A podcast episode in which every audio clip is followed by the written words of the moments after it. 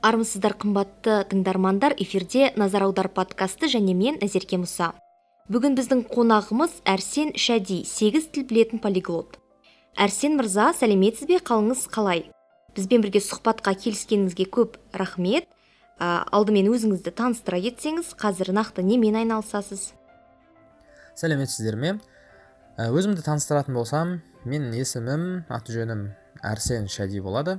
Әрсен есімім тегім шәди әдетте анау әлеуметтік желіде болсын сайтта әуелі шәди одан кейін әрсен деп жазып жүргеннен кейін адамдар есімімді шәди деп ойлап жатады. Алайда олай емес есімім әрсен болады тегім шәди Үм, шағын ортада десек болады. Бүгінде елдің ішінде азды көпті жалпы полиглот деп таниды.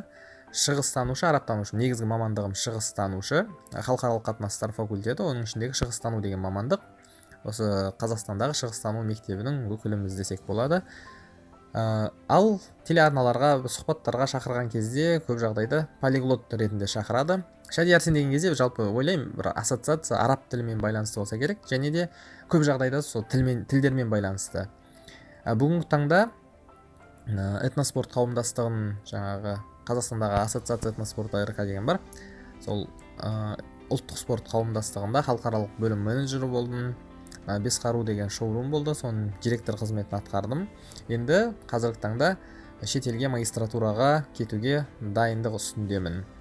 Тіл меңгеруді неше жасыңыздан бастадыңыз? Қай тілден бастадыңыз? Сол жайлы айтып берсеңіз. Енді тіл меңгеруді бала кезден бастадым деп айтсам болады. Сол жалпы бастауыш сыныпқа алғашқы бірінші сыныпқа барған кезден бастадым десем артық айтқан болмасам керек. Себебі орыс сыныбына бардым. Яғни орыс тілін игеруден бастау алған жалпы білім баспалдағы мен үшін сол өзге тілдер әлеміне деген бір саяхат болды десем қателеспеймін. Себебі өзіміздің ана тіліміз қазақ тілі бір қазақи ортада иә үйде ата анамыз барлығы қазақ тілінде сөйлейді. Енді келіп бізді өзге тіл ортасына тастаған кезде міне сол бізде тіл игеру процестері басталды сол кездің өзінде. Яғни мынау ә, тіл игеруде бір арнайы баспалдақтар болады ғой өзінің бір? Деңгейлері яғни грамматика үйрену одан кейін спикингі бар жаңағындай иә? Сол жаңағы сөйлесу жағы одан кейін ә, жазу дейміз бе одан кейін листенинг жалпы барлығы ол жаңа ортаға түскеннен кейін өзі ары қарай дами береді ғой сол төрт негізгі жаңағы тілдегі осы төрт бағыт бойынша. Сол бала кезден сол орыс тілін игеруден ә, бастау алды білім баспалдағымыз. Сол тіл меңгеру дегенге жатқызамын. Одан кейін 2011 жылы осы ағылшын тілін интенсивті түрде оқуға кіріскен болатын яғни мектептен тыс. Білеміз иә бізде орта мектепте болсын жалпы гимназияда мектептерде ағылшын тілі міндетті түрде оқытылады. Бүгінгі таңда мына қазақстандағы үш тілділік саясатына байланысты. Алайда мектепте берілетін ағылшын тілі мектепте әдетте адам оқи қоймаса керек. Және деңгей ондайлық деңгейде бір жоғары емес екендігін бәріміз білеміз. Сол себепті ағылшын тілін қосымша яғни интенсив түрде курсқа барып деген секілді арнайы спикинг клабтарға барып сол 10 жасымыздан бастап ағылшын тіліне кіріскен болатынбыз. Жалпы қанша тіл білесіз? Сіз үшін үйренуге жеңіл және қиын болған тілдер қандай болды? Бүгінгі таңда ә, сегіз тіл негізі. Сегіз бір жерде он тіл деп айтады иә соңғы нүкте kz порталына берген сұхбатта ол кісілер он тіл біледі деп жазды. Ол жерде жаңағы украин тәжік тілін қоса есептеген ә, жалпы мен өзім есептемеймін ол тілдерді. Себебі тәжік тілі ол парсы тілінің туыстас тілі енді украин тілін мен бір жетік білемін деп айта алмаймын.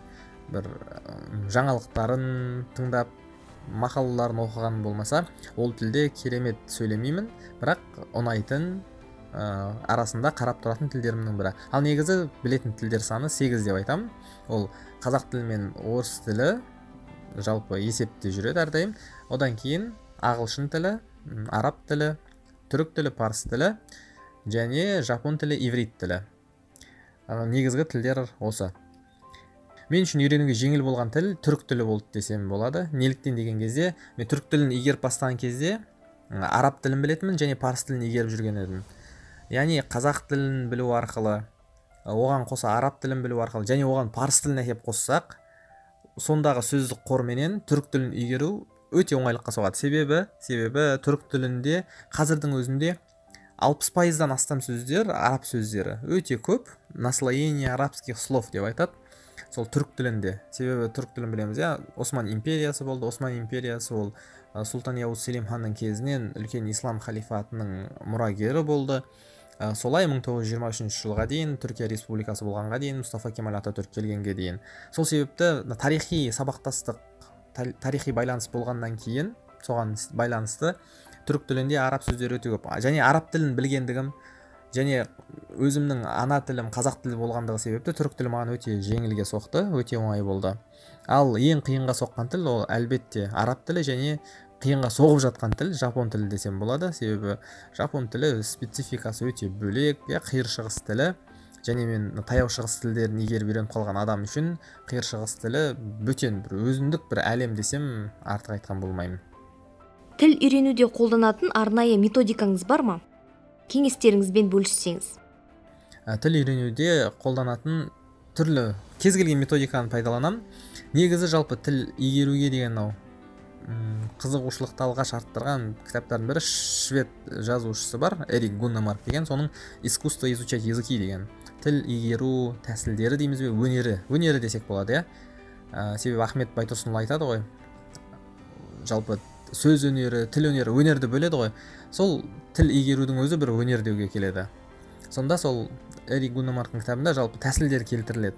Тәсілге қатысты сол кітаптан қарап көруге болады. Жалпы тыңдармандар оқырмандар болатын болса қосымша кеңес беремін эрик гуннемарктың искусство изучать языки деген. Осы орыс тіліне тәржімаланған ә, түрі бар. Өзінің қызы софия гуннемаркқа арнап жазған кітап.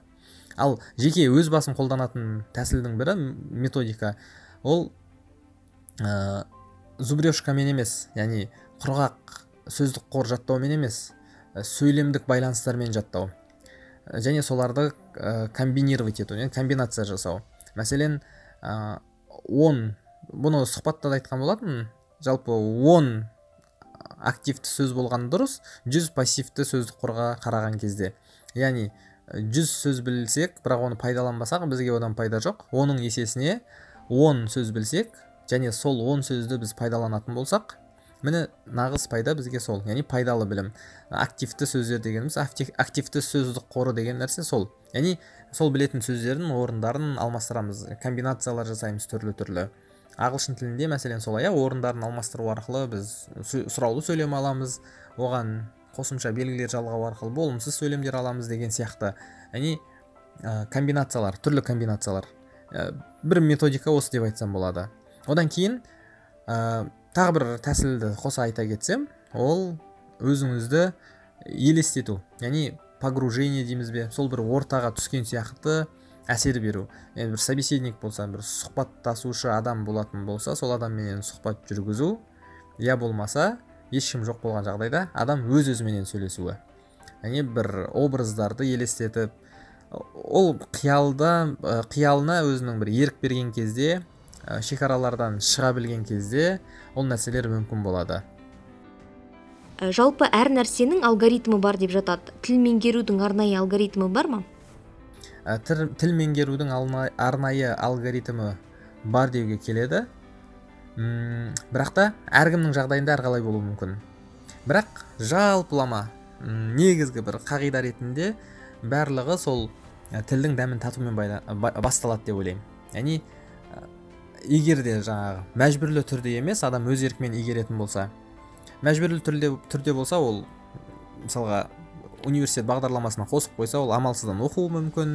Ондай жағдай емес. Адам өз еркімен қалап бір оқиды ғой. Сол кезде ең алғашқы баспалдақ барлығында болатын. Сол тілді ұнатудан басталады. Яғни тілге ғашық болады тілді ұнатады. Ал тілді ұнату полиглоттар айтады ол оның дыбысталуынан болады. Яғни дыбысталуының әсерінен.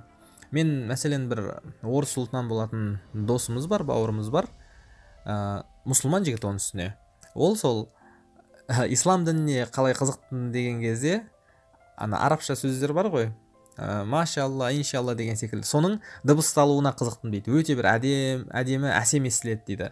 Яғни араб тілінің сондай бір өзіндік бір сүйкімі бар. Былай қарағанда түрік тіліне түрік тілінің өзіне тән бір сүйкімі бар иә.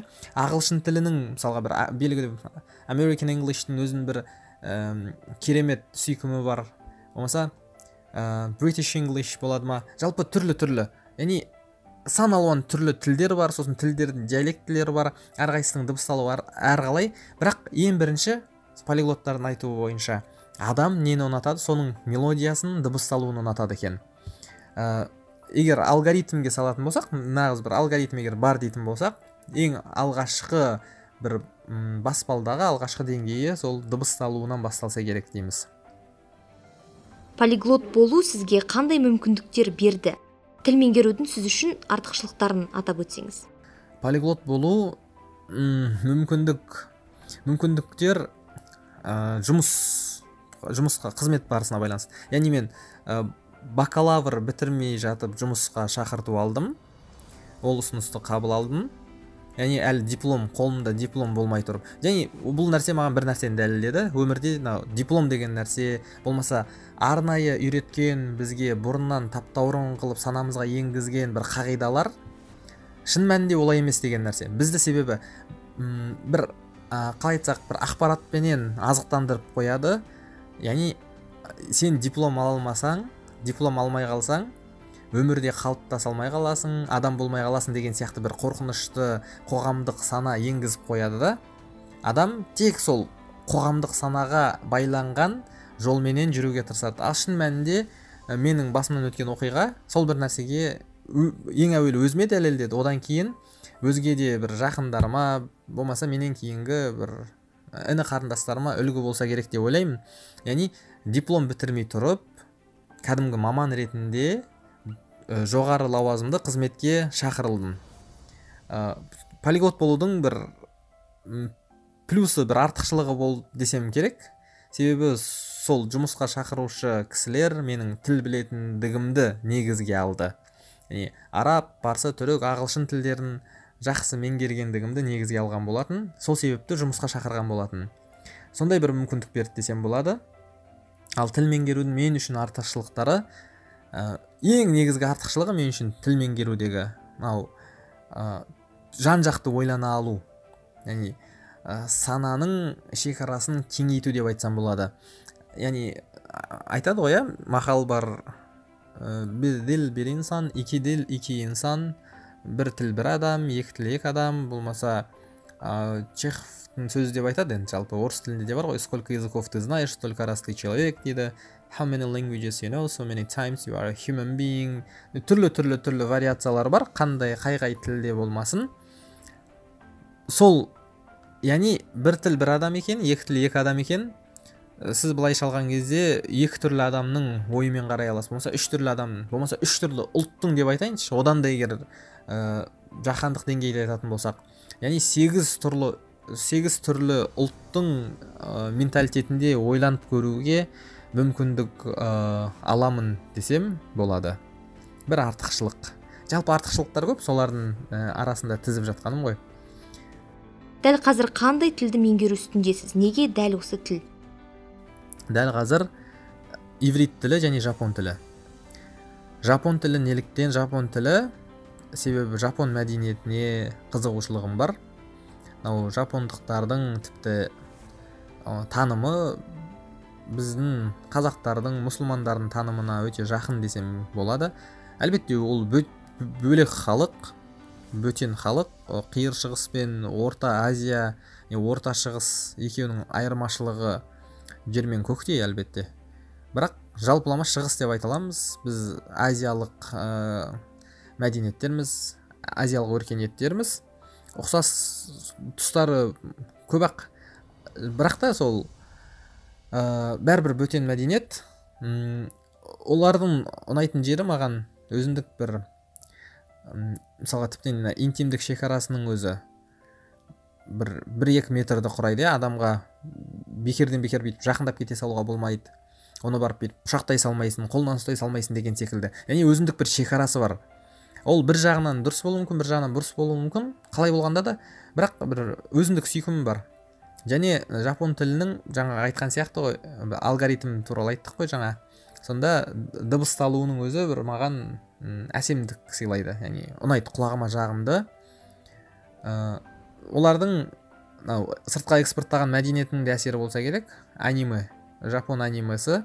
Өзім сүйетін режиссерлар бар. Макото шинкай және хаяо миядзаки осы екі режиссердің фильмдерін таным таным үшін дүние таным үшін қарағанды ұнатамын.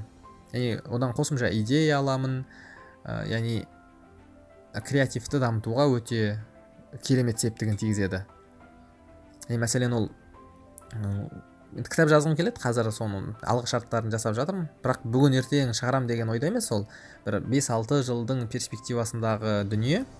Ә, жалпы өзімнің саяхаттарым туралы шығыстануға қатысты бір кітап жазып шығару ниетте бар. Сонда соған мынау аниме көрудің бір әсері ә, кітап жазған кездегі бір ойдың ұшқырлығына көмегін тигізеді.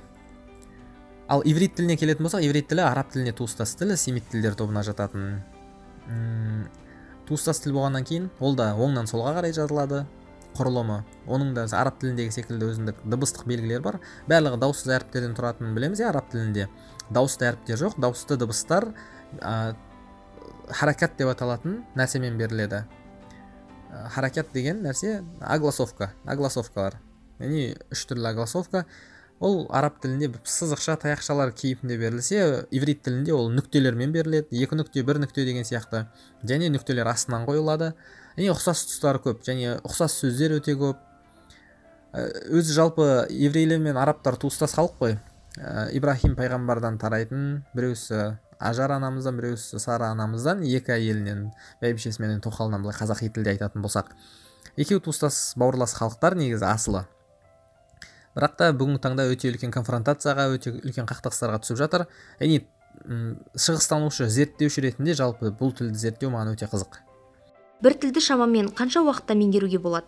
Тілдің грамматикасын білмей меңгеруге бола ма? Тілді грамматикасын білмей меңгеруге болады сөйлеу деңгейінде көше тілінде десек болады. Бірақ та академиялық кәдімгі университет деңгейінде үлкен лекция айту деңгейінде үйрену керек болса тілді ол грамматикасыз болмайды. Кәдімгі сауатты жоғары деңгейде сөйлеу үшін грамматика міндетті түрде керек болады. Бір тілді шамамен қанша уақытта меңгеруге болады? Бұл тілдің деңгейіне қарай әрқалай. Бір тіл болады. Жалпы тілді меңгеріп тастайды деген сөз емес ондағы? Белгілі бір деңгейге. Мынау ойлай алу сөйлей алу деңгейіне жету десек болады. Бірақ әр тілге мен ойлаймын кемі жарты жыл арнаған дұрыс деп ойлаймын. Яғни бір тіл жалпы тілдерді алатын болсақ кемі жарты жыл. Жарты жыл не үшін? Ол жоғары деңгей үшін емес. Ә, бастауыш деңгей үшін жарты жыл болғаны дұрыс. Себебі ол мысалға түрік тілін оңай деп айтамыз ғой қанша оңай болғанменен түрік тілінің де академиялық деңгейі бар. Ә, көше тілін үйреніп алған адам мысалға базар тілін үйреніп алған адам ол университетке барып сөйлей алмауы мүмкін. Ә, жаңағы ұстаздармен хожаларменен түрік тілінде сөйлесе алмауы мүмкін. Яғни сондайлық деңгейде. Ә, академиялық себебі академиялық өзінің бөлек лексикасы бар иә? Ә, мысалға музейге барып базардың сөздеріменен сөйлей алмаймыз деген сияқты. Оның мәдениеті бар өзінің лексикасы бар. Негізгі табысыңыз қандай? Тіл үйрену табысыңызды қаншаға өсірді? Негізгі табыс көзім жаңағы айтқан қызметтер иә этноспорт саласында қызмет еттім. Мамандығыма тікелей қатысты. Сол тілдерменен жұмыс жасадым. Ал тіл үйрену табыс табысқа әсер етті. Ә, сол жаңағы қызмет барысында көмектесті. Студент кезде мен аударма жасайтынмын. Конференциялар халықаралық конференцияларда аударма жасайтынмын. Студенттік жаңағы қосымша опыт ретінде. Студенттік шақты бітіргелі жасаған жоқпын. Өзімнің қосымша курстарым бар онлайн курсым. Қазіргі таңда араб тілін ағылшын тілін түрік тілін сол онлайн курстарымызда үйретудеміз. Алдағы уақытта парсы тілін қосу ойда бар. Және көптеген оқушыларымыз бүгінде иә енді оқушыларымыз соңымыздан еріп келе жатыр десек болады. Яғни барлығы де жаңағындай алланың қалауыменен. Енді сол оқушыларымыздың тарапынан сондай ұсыныс түсіп жатыр. Орыс тілінде үйретсеңіз деген себебі бүгінгі таңда біздің қоғамда бәрібір орыс тіліне деген бір қажеттілік бар екен. Біз оны қатты елемесек те сол себепті өзіміздің қазақ тілді аудиторияға көмектесу үшін орыс тілінде де курстарды жоспарлаудамыз қазіргі таңда. Ал жалпы табыс көзі туралы қосымша негізі айта бергенде құп көрмеймін деймін бе. Жалпы ана болады ғой ер жігіт жасыру керек нәрселер бар екен да. Өзінің табысы деген сияқты нәрселерді. Бірақ шет жағасын айттым сіздерге. Қосымша отбасылық кәсіп бар. Осылай тәмамдайын иә бұл сұрақты ирандық радиоға берген сұхбатыңыз жайлы айтып берсеңіз олар сізбен қалай байланысқа шықты? Жалпы қандай тәжірибе жинадыңыз оларды не қызықтырды? А жалпы ирандықтарменен байланыс өте жақсы. Үм, себебі ол кісілердің елшіліктері біз ана қазақстанда негізі парсы тілін білетін студенттер аз болғаннан кейін біздер көзге өте тез түсіп қалғанбыз. Мен олардың жаңағы мәдениет үйінде бір концерт іс шаралар болған кезде елшілер жаңағы әскери атташесі мәдени атташесі келген кезде ол кісілермен жақсы қарым қатынас ұстап қалған байланыс.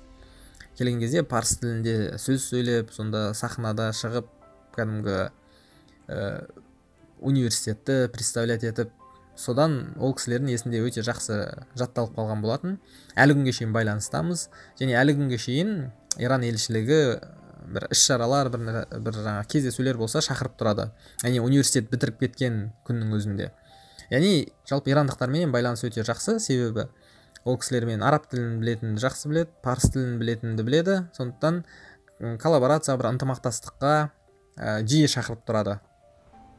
Ал иран ирандық радиода тура соның бір жемісі болды десем болады.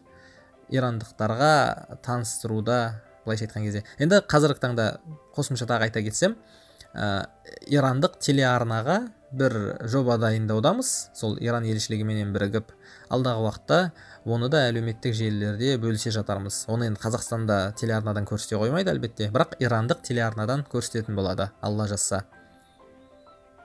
Шыны керек радиоға берген алғашқы сұхбатым болды. Ә, радионың мысалға иә қазақ радиосының өзіне мысалға жүз жылдай шама болып қалды ғой иә. Ә, сонда ә, қарасақ қанша ғасыр медиа саласы дамып жатыр ғой.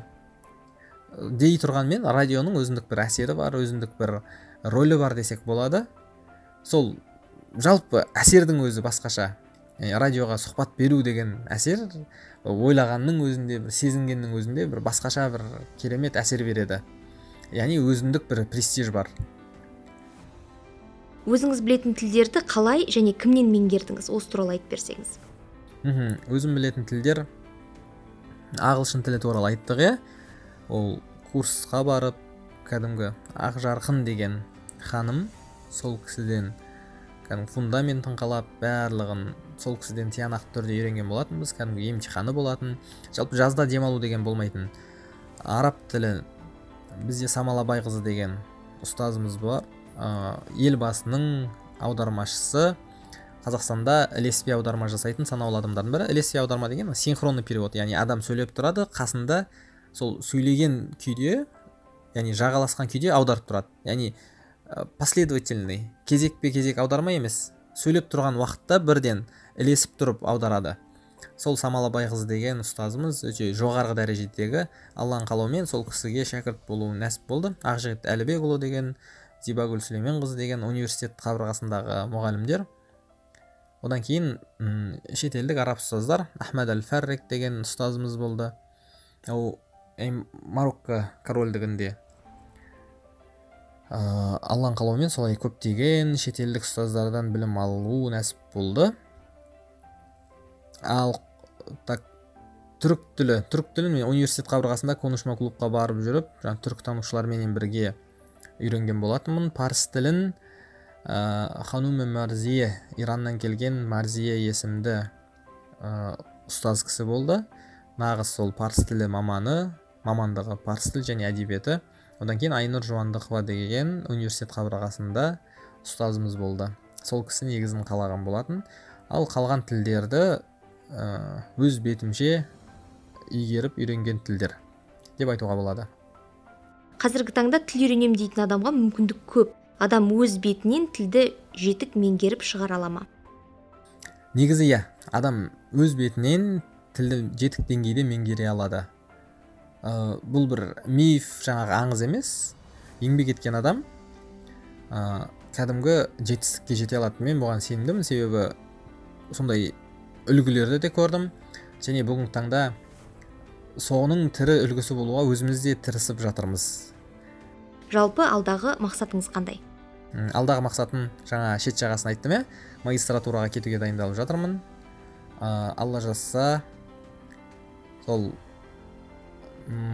магистратураны жақсылап тәмамдап келіп иә шетелге және де магистратура екі жыл болады иә? Сол елге оралғаннан кейін ары қарай қызмет барысы және докторантура. Яғни докторлыққа шейін жалпы қолдан келгенше білімнің қандай деңгейі бар соған дейін оқуға ниеттімін мүдделімін. А жалпылама қызмет осы жинаған терген білімді тарату білімнің зекеті деген ұғым бар ғой. Ә, жиған білімді таратпақ бар бермек бар. Енді біз шығыстану қандай тіл болсын мысалы араб тілі болсын парсы тілі болсын ол тілдер деген нәрсе білімге деген ә, кілт іспетті. Яғни қазынаға кілт. Яғни өзі жеке дара мысалы парсы тілін білгендігі маған ештеңке бермейді. Жеке дара араб тілін білгендігі маған ештеңке бермейді. Егер ол тілдерді пайдаланбайтын болсам түрік тілін жеке дара білгені маған ештеңке бермейді. Ол тілдерді игергеннен кейін қолымызға кілт алдық деген сөз сол кілтті пайдалану керек. Қазына ашып сол қазынамен бөлісу керек тарату керек деп түсінеміз. Өзімнен кейінгі іні қарындастарға жастарға жалпы үлгі болғым келеді. Ә, сыртқы істер қызметінде сыртқы істер саласында өзімді көрем келешекте. Алға қойған жоспарлар ә, бір шама шет жағы осылай. Рахмет сіздерге сұхбатқа шақырғандарыңызға. Үлкен алғысымды білдіремін жұмыстарыңызға табыс береке тілеймін алла разы болсын. Қымбатты тыңдармандар осымен подкастымызды қорытындылаймыз. Әрсен мырза сізге көп рахмет уақыт бөлгеніңізге алдағы жобаларыңызда өміріңізде сәттілік тілейміз.